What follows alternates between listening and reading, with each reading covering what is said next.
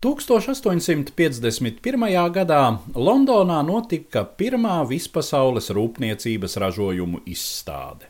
Viens no tās organizētājiem bija karalienes Viktorijas laulātais draugs, Saksijas Koburgas Gotas princis Alberts, kuram radās doma izstādes apjomīgos ienākumus izlietot kultūras celtņu kompleksa izbūvēja Haidparka apkārtnē.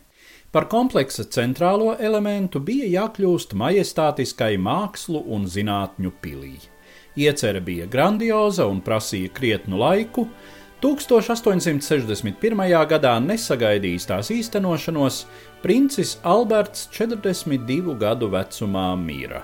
Sērojošā atraitne Viktorija, kura bija patiesi mīlējusi savu vīru, saredzēja labāko iespēju viņa piemiņas iemūžināšanai Alberta ieceru īstenojumā.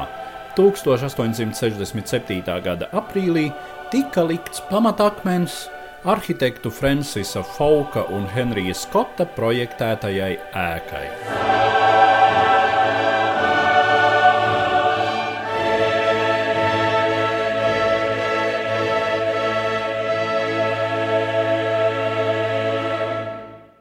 Milzīgā eliptiskā celtne tika būvēta no slavenajiem Fārnemas sarkanajiem ķieģeļiem.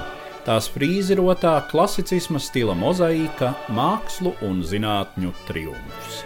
Lai arī celtnes arhitektonisko veidolu nepārprotami iedvesmojušas antīko amfiteātru formas, tās konstrukcijā izmantotas sava laika modernākās celtniecības metodes.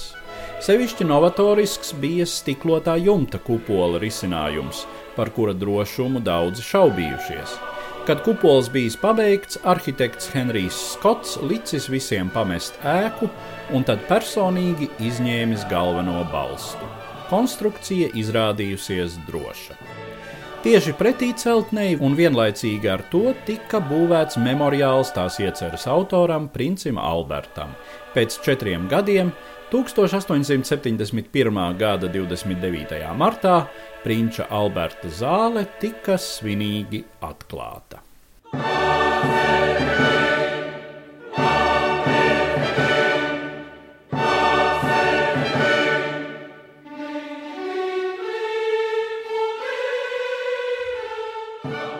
Bija paredzēts, ka atklāšanas vārdus teiks karaliene Viktorija, taču valdniece bija tik saviļņota, ka nespēja parunāt, tāpēc auditoriju uzrunāja viņas vecākais dēls, nākamais karalis Eduards VII.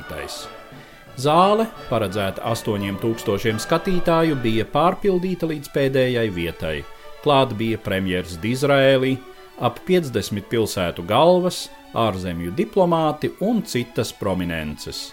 Svinīgajā koncertā uzstājās 500 mūziķu orķestris un tūkstošbalsīgs koris. Diemžēl jau pirmajā reizē atklājies nopietns akustiskais defekts. Kupols radījis spēcīgu atbalsi. Radies pat populārs joks par to, ka karaliskajā Alberta zālē ikvienam britu komponistam esot garantēta iespēja noklausīties savu skaņdarbu divreiz. Joks bija aktuāls gandrīz simt gadus, līdz 1969. gadam, kad zāles kupolā iekāra vairākus desmitus atbalsi kliedējošu stikla šķiedras disku, un karaliskā Alberta zāle ieņēma pienācīgu vietu starp pasaules izcilākajām koncertzālēm.